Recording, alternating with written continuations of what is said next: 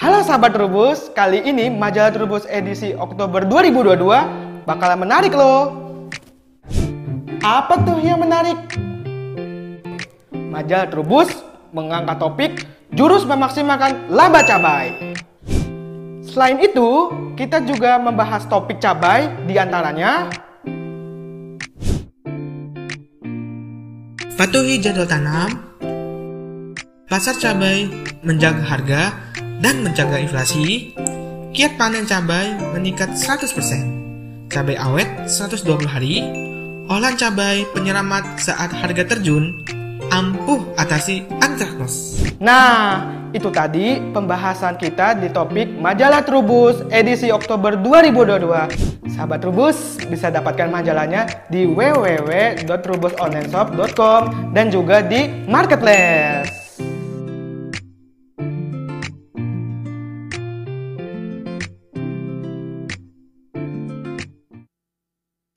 Sahabat Trubus, kali ini majalah Trubus edisi Oktober 2022 bakalan menarik loh.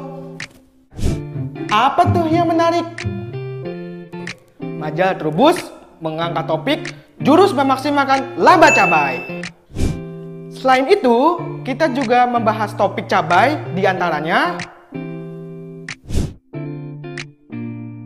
Patuhi jadwal tanam, pasar cabai menjaga harga dan menjaga inflasi, kiat panen cabai meningkat 100%, cabai awet 120 hari, olahan cabai penyelamat saat harga terjun, ampuh atasi antraknos. Nah, itu tadi pembahasan kita di topik majalah Trubus edisi Oktober 2022. Sahabat Trubus bisa dapatkan majalahnya di www.trubusonlineshop.com dan juga di Marketplace.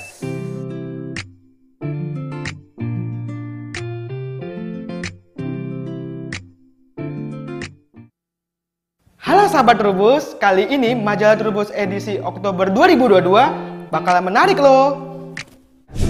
Apa tuh yang menarik? Majalah Trubus mengangkat topik jurus memaksimalkan laba cabai. Selain itu, kita juga membahas topik cabai di antaranya Patuhi jadwal tanam, pasar cabai menjaga harga dan menjaga inflasi, kiat panen cabai meningkat 100%, cabai awet 120 hari, olahan cabai penyelamat saat harga terjun, ampuh atasi antraknos. Nah, itu tadi pembahasan kita di topik majalah Trubus edisi Oktober 2022. Sahabat Trubus bisa dapatkan majalahnya di www.trubusonlineshop.com dan juga di Marketplace.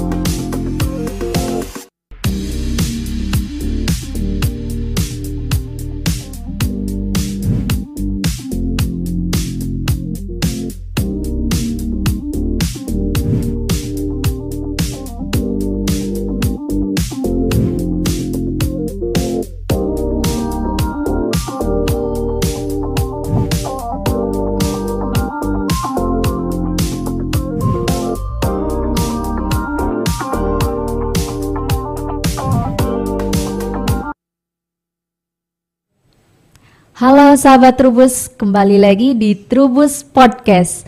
Nah kali ini bareng aku Widitria Erliana.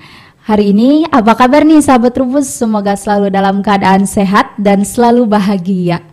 Karena kita sudah ada di edisi Oktober, tentunya majalah Trubus selalu menyajikan editorial edisi majalah, yaitu majalah Oktober. Sahabat Rubus, ada yang bisa tebak kali ini kita akan membahas mengenai topik apa? Nah, karena kita di depan ini sudah ada cabai dan juga sudah ada majalahnya, untuk edisi ini kita akan membahas mengenai jurus maksimalkan laba cabai.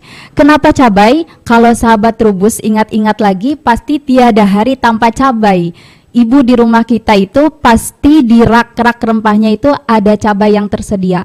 Makan pecel lele ada cabai, makan rendang juga ada cabai. Nah, langsung saja karena pastinya sahabat Trubus juga sudah penasaran kenapa sih cabai yang dibahas.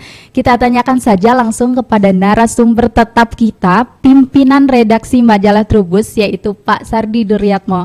Kita uh, kita sapa dulu sahabat Trubus. Halo Pak Sardi, apa kabarnya Pak?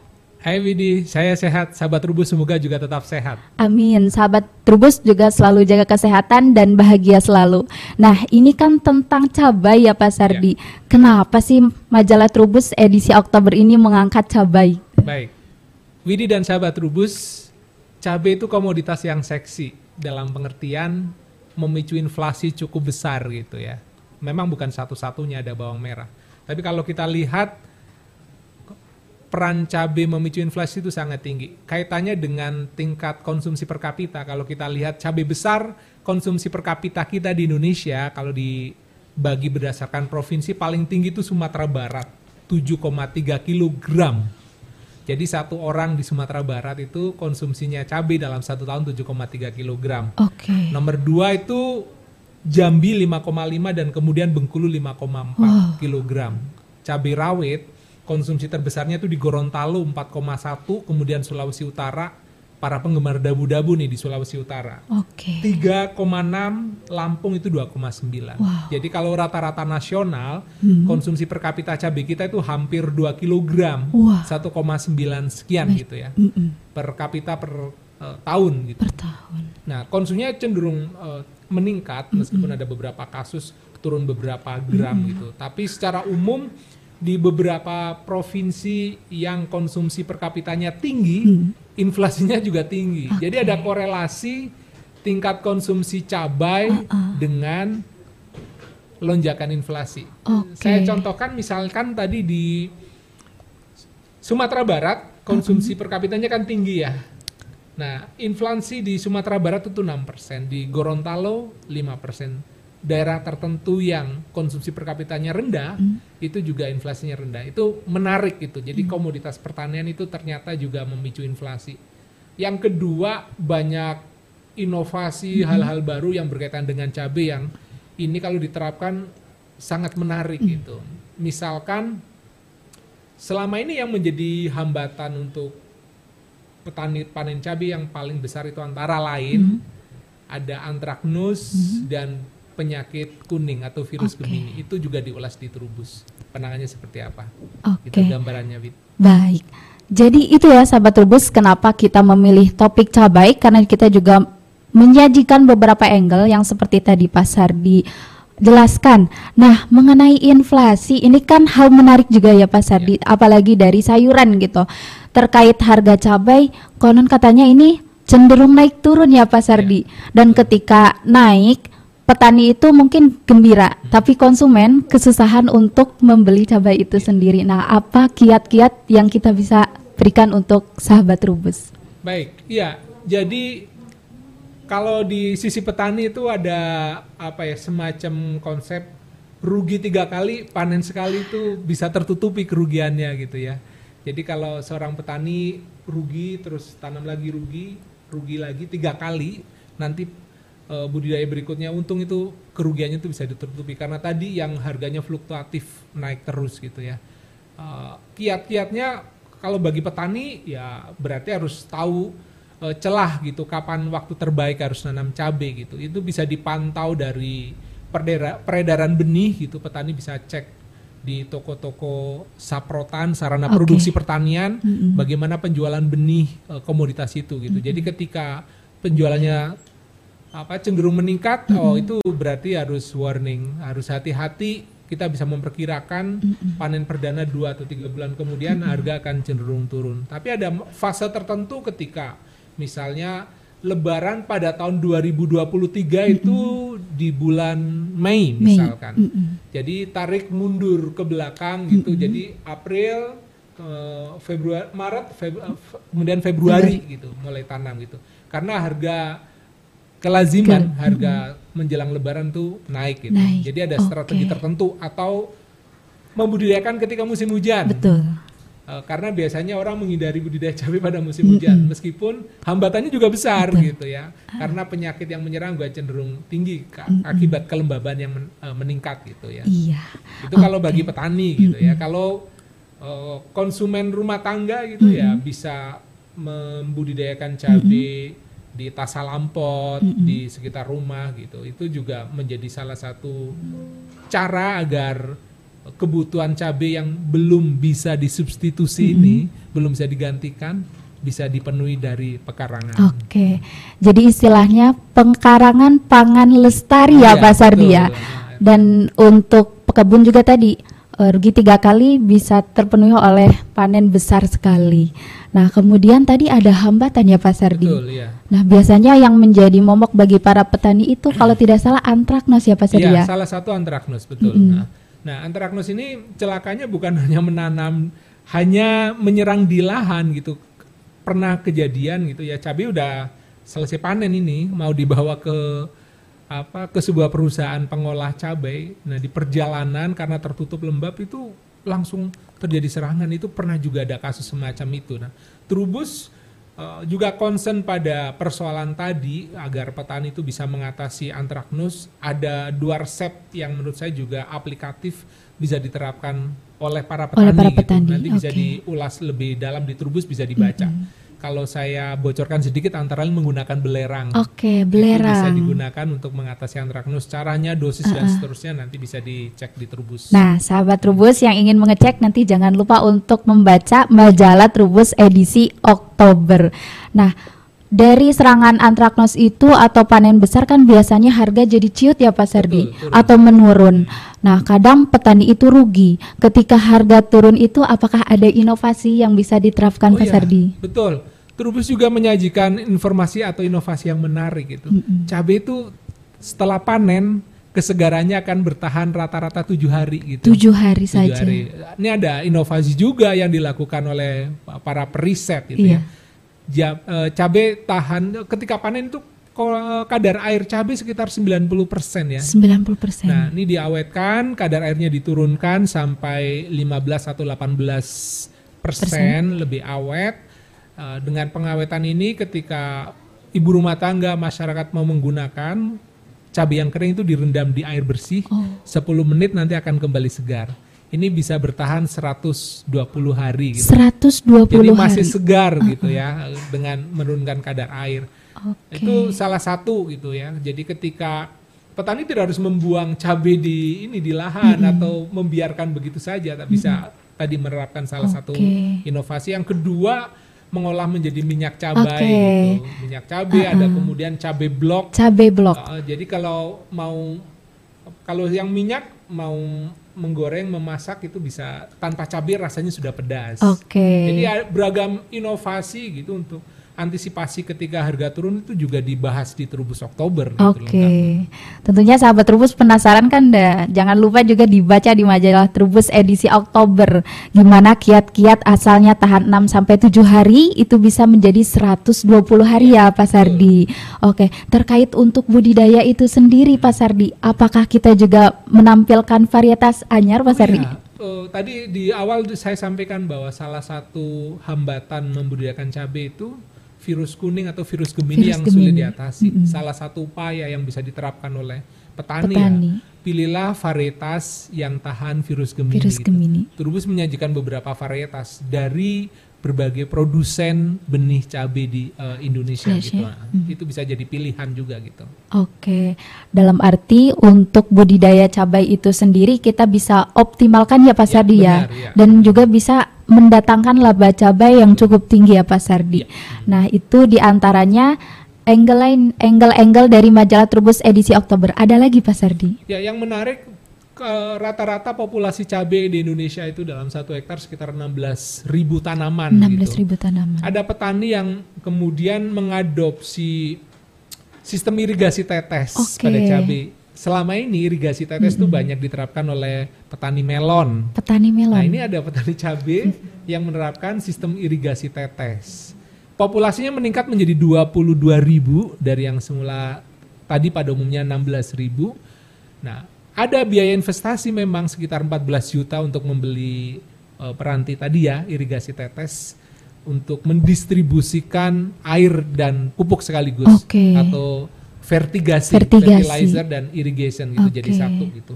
Itu juga menarik gitu karena produktivitasnya bisa meningkat sampai 100% gitu. Petani biasanya kalau di musim kemarau itu dua hari sekali harus menyiram. Harus menyiram dua kali sehari. Dua kali sehari ya. Kalau musim hujan memang lebih lama lima hari sekali. Di lahan satu hektar itu perlu sekitar 20 orang kalau nyiram. Jadi memang padat tenaga kerja. Dengan irigasi tetes, sejumlah orang yang tadi jumlahnya 20 bisa dihilangkan, orang tinggal eh, putar keran udah mengalir. Jadi lebih simpel Hmm. dan investasi nilai 14 juta saat ini nanti di berbagai daerah mungkin biayanya berbeda-beda ya. Itu bisa tertutup hanya dengan sekali panen. Hanya dengan sekali panen. Artinya itu bisa meningkatkan ya Iya. untuk hasil panen cabai. Hasil panen meningkat dan petani lebih efisien karena kan tidak harus memberikan upah untuk Betul. Apa tenaga penyiram dan Betul. tenaga ini ya pem- pemupukan gitu. Iya, untuk 20 orang tadi bisa sekali nantinya dengan sistem irigasi atau vertigasi Benar, tadi ya Pak iya. Sardi. Oke, itu kan dari rangkaian topik ya Pak Iya, Sardi. iya, benar. Tentunya eh, majalah Trubus juga menyajikan berbagai rubrik ya Pak Sardi ya. Iya. Nah, untuk kemarin kita sempat membahas di edisi lalu yaitu mengenai pepaya. Nah, sekarang di buah ini apakah kita membahas lagi mengenai pepaya Pak Iya, Sardi? Jadi karena pepaya di edisi sebelumnya kan menjadi bahasan utama Betul. topik ya. Trubus uh, sebenarnya masih banyak hal yang menarik oleh karena itu tidak diputus. Informasi soal pepaya bagaimana uh, penanganan pasca panen, sampai ke pasar itu diulas. Oh, caranya harus begini sortirnya, cara pembungkusannya agar sampai di lokasi pasar tadi kualitasnya tetap terjaga. tetap terjaga. Artinya pepaya itu dari mulai panen hingga di meja konsumen itu tetap bulus artinya ya. persis. Sahabat Trubus penasaran nggak gimana caranya? Jangan lupa juga untuk membaca majalah Trubus edisi Oktober. Masih di buah Pak Sardi. Ada apa lagi nih Pak Sardi? Ya, yang menarik kan Turbus sudah 5-6 bulan ini membuat rubrik baru yang namanya ide bisnis. Ide bisnis. Nah, ini tujuannya kan sebetulnya memberikan rangsangan kepada para pembaca, kepada masyarakat. Oh, Banyak loh bisnis-bisnis yang menarik untuk Betul. ditekuni. Selama ini buah naga semula hal saya contohkan buah naga itu hal yang baru di Indonesia di akhir 90-an awal 2000 lah ya. Tapi kemudian harganya cenderung turun karena mm, hukum ekonomi bicara di situ Oke. banyak orang yang mengebunkan buah naga. Nah, ini ada jenis buah naga baru Buah naga baru. warnanya kuning kalau selama ini kan buah naga merah, Merah. Ah, yang kulitnya merah ini kuning bagus lebih manis bobotnya juga lebih besar Oke. sampai 800 gram jadi ah, yang buah naga kuning ini beda dengan buah naga dulu ada buah naga yang kuning juga tapi ukurannya lebih kecil hanya sekitar 250 sampai 300 gram terus berduri kalau ini nggak ada berdurinya gitu Gak ada duri Nah, dan jadi- sampai 800. Betul, 800. Jadi maksud saya buah naga kuning itu berbeda dengan buah naga kuning yang kecil ya. Betul. Spesiesnya berbeda gitu. Nah, ini eh, ada buah naga baru yang sudah mulai dikembangkan. Mhm. Harganya masih tinggi sekitar 160 sampai 200 kilogram.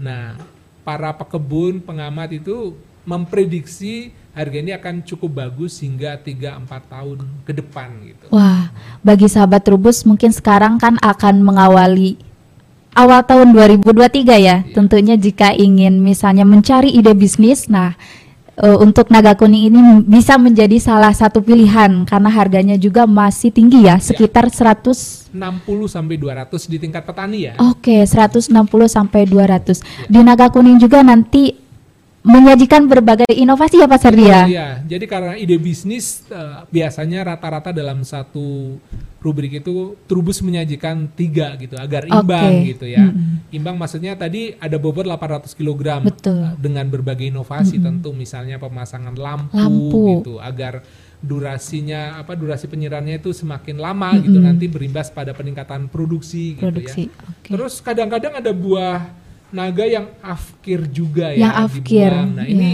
ada loh proses pengolahan Oh. agar petani tetap memperoleh nilai tambah gitu. Jadi jangan dibuang gitu Iya. buah naganya gitu. Ini ada proses pengolahan menjadi keripik, menjadi Keripik. berbagai camilan yang enak, menjadi minuman gitu. Oke, artinya buah naga yang afkir itu bertambah nilainya. Persis ya. Oke.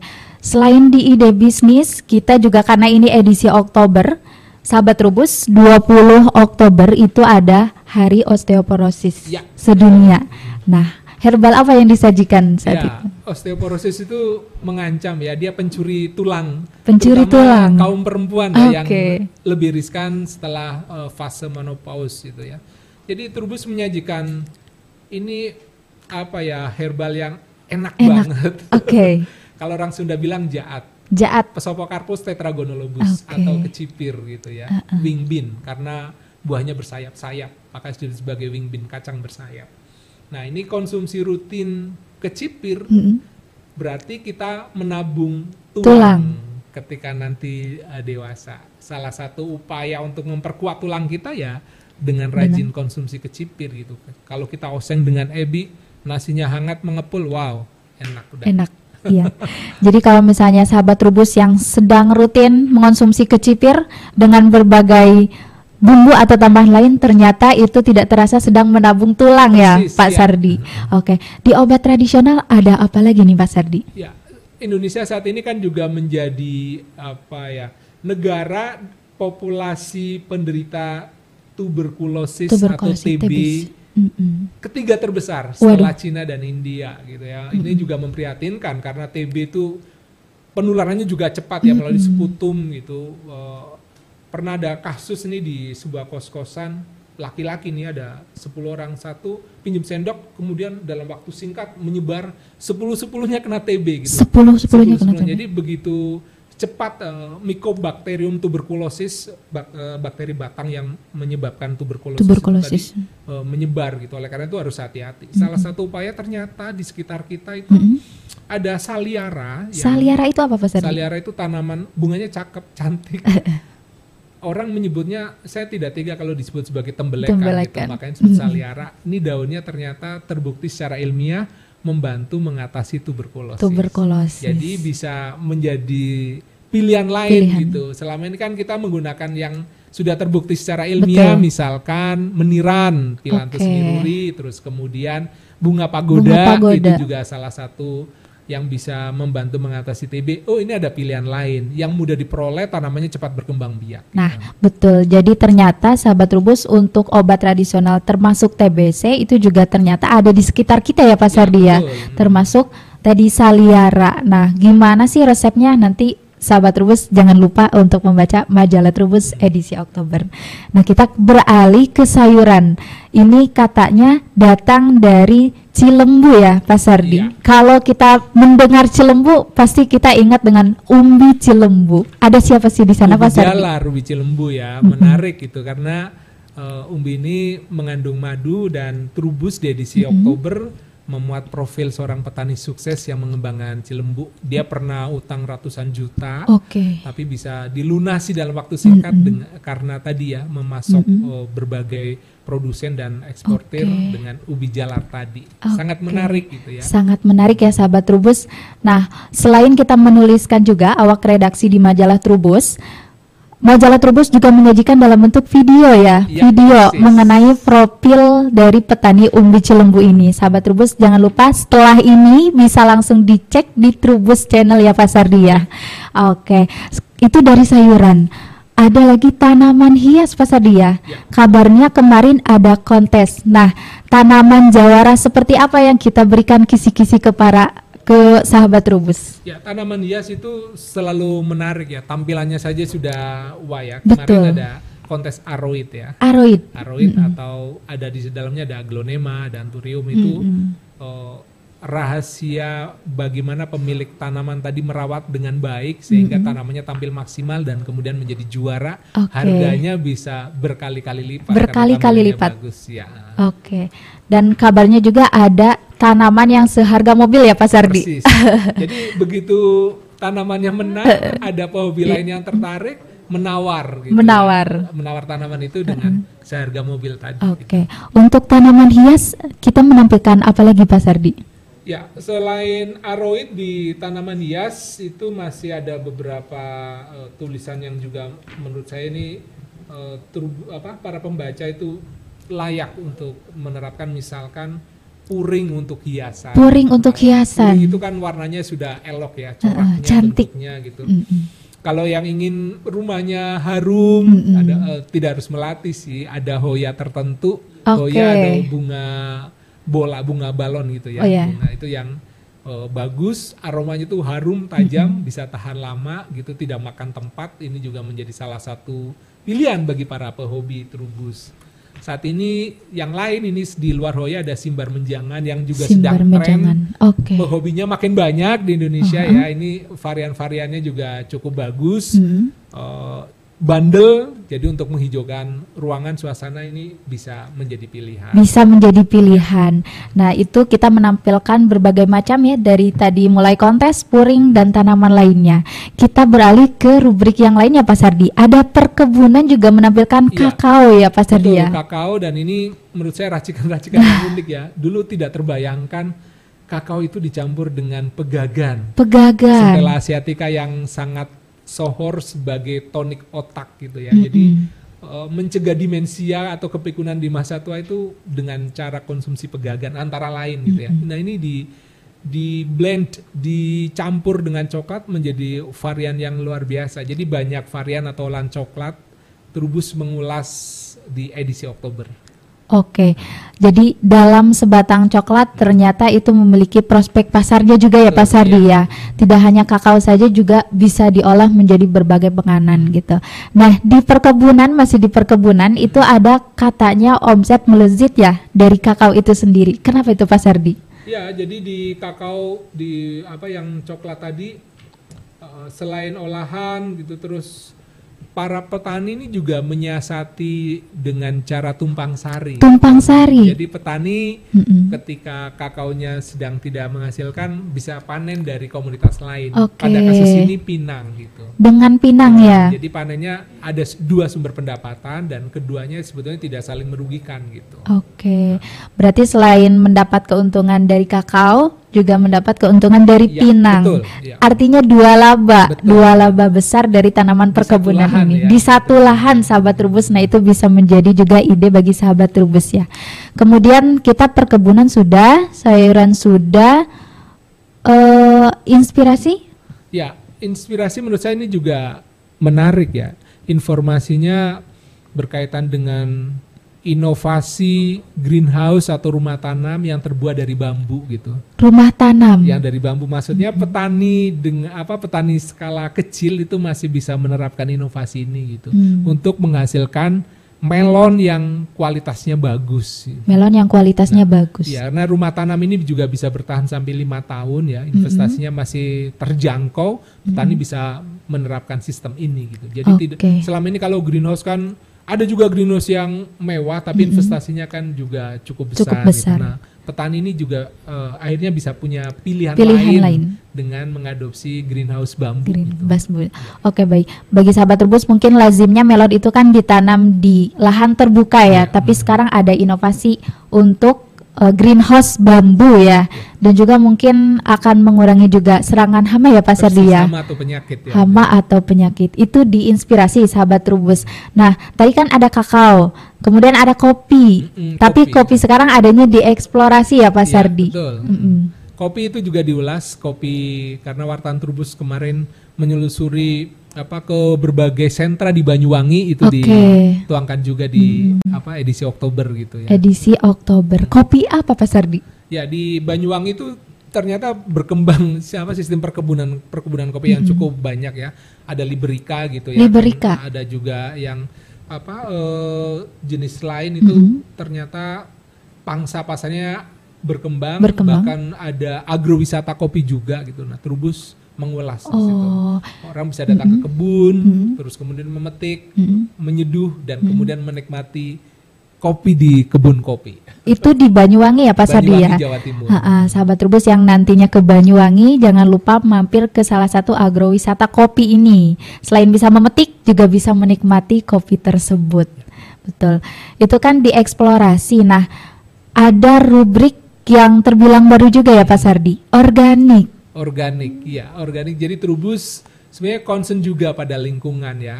Tadi ada rubrik organik, ya isinya lebih membahas kiat-kiat atau sistem budidaya pertanian organik yang pasarnya terus berkembang gitu. Di edisi Oktober Trubus karena kemarin liputan ke Seoul Korea Selatan terus Oke. mengulas ada beberapa daerah Mm-mm. Trubus mengambil contoh di Filipina bertemu langsung dengan eh, seorang bupati di Filipina kemudian di Korea Selatan satu lagi di India di Sikkim bagaimana pemerintahan itu juga punya andil besar mendorong masyarakat untuk menekuni organik. Caranya seperti apa? Trubus itu mengulas dari sisi pemerintahan dari regulasinya. Oke, sahabat Trubus. Jadi itu mengenai organik ya, Ya. tidak hanya dibahas dari sekitar perkebunannya saja, tapi juga dibahas dari sekitar pemerintahannya, Pemerintahan, regulasi regulasinya.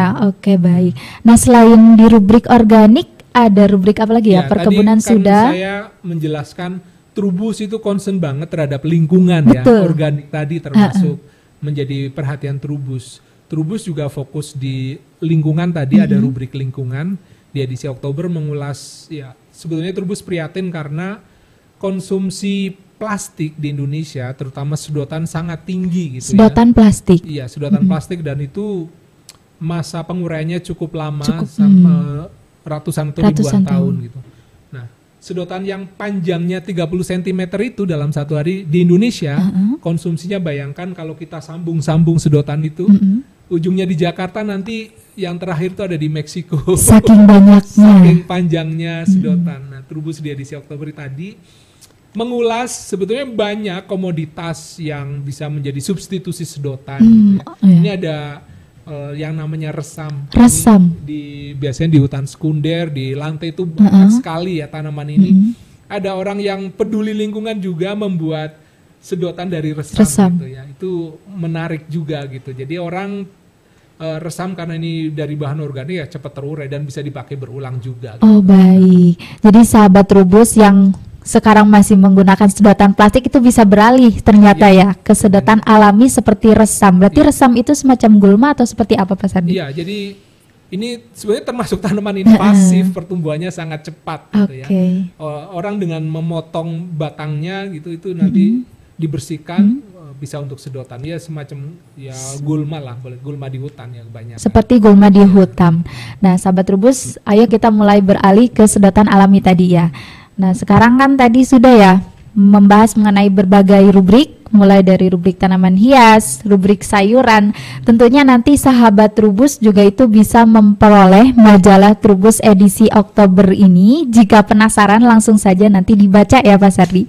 Nah, untuk sahabat Trubus yang ingin memperoleh majalah Trubus itu bisa diperoleh di Loka Pasar atau Marketplace ataupun bisa DM langsung media sosial majalah Trubus. Sahabat Trubus juga jangan lupa karena kita juga menyajikan video yang sangat edukatif dan juga inspiratif nanti bisa juga ditonton setelah ini di Trubus Channel. Nah, itulah untuk editorial majalah eh, Trubus edisi Oktober. Nah, kita kan mungkin awak redaksi sedang mengerjakan edisi November ya Pak Sardi. Betul, saat nah, ini ya, November. boleh dikasih kisi-kisi gak Pak Sardi sedikit? Bocoran ya. Iya. ya di Trubus edisi November majalah Trubus itu apa fokus pada pangan, Pangan. karena di berbagai negara ya yang kemarin di apa beritakan seperti Inggris, pemerintah Indonesia juga sudah memberikan peringatan akan terjadi krisis pangan. Krisis pangan. Apa nih yang bisa Trubus lakukan gitu ya. Jadi antara lain memberikan informasi beberapa pangan yang potensial untuk dikembangkan Oke. Satu itu ada sorghum, Sorghum. yang kedua mokaf, modified Wow. cassava flour. Oke. Dua itu karena potensi pasarnya besar, Besar. bisa untuk mensubstitusi terigu dan seterusnya. Nanti lebih lengkap, sahabat Rubus tunggu edisi November 2022. Nah, betul. Jadi sahabat Trubus jangan lupa untuk selalu mengikuti media sosial majalah Trubus. Nah, kali ini untuk pembahasan majalah editorial cukup dan sampai jumpa lagi di Trubus Podcast bulan depan. Terima kasih Pak Sardi atas waktu dan ilmunya. Terima kasih sahabat Rubus. Halo sahabat Trubus, kali ini majalah Trubus edisi Oktober 2022 bakalan menarik loh. Apa tuh yang menarik? Majalah Trubus mengangkat topik jurus memaksimalkan laba cabai. Selain itu, kita juga membahas topik cabai di antaranya Patuhi jadwal tanam, pasar cabai menjaga harga dan menjaga inflasi, kiat panen cabai meningkat 100%, cabai awet 120 hari, olahan cabai penyelamat saat harga terjun, ampuh atasi antraknos. Nah, itu tadi pembahasan kita di topik majalah Trubus edisi Oktober 2022. Sahabat Trubus bisa dapatkan majalahnya di www.trubusonlineshop.com dan juga di Marketplace.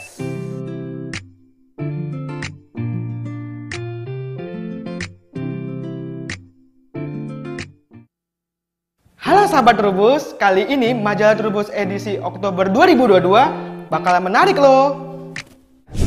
Apa tuh yang menarik?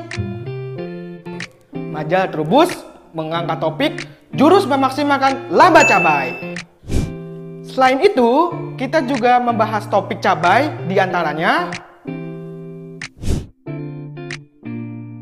Patuhi jadwal tanam, pasar cabai menjaga harga dan menjaga inflasi, kiat panen cabai meningkat 100%, cabai awet 120 hari, olahan cabai penyelamat saat harga terjun, ampuh atasi antraknos. Nah, itu tadi pembahasan kita di topik majalah Trubus edisi Oktober 2022. Sahabat Trubus bisa dapatkan majalahnya di www.trubusonlineshop.com dan juga di Marketplace.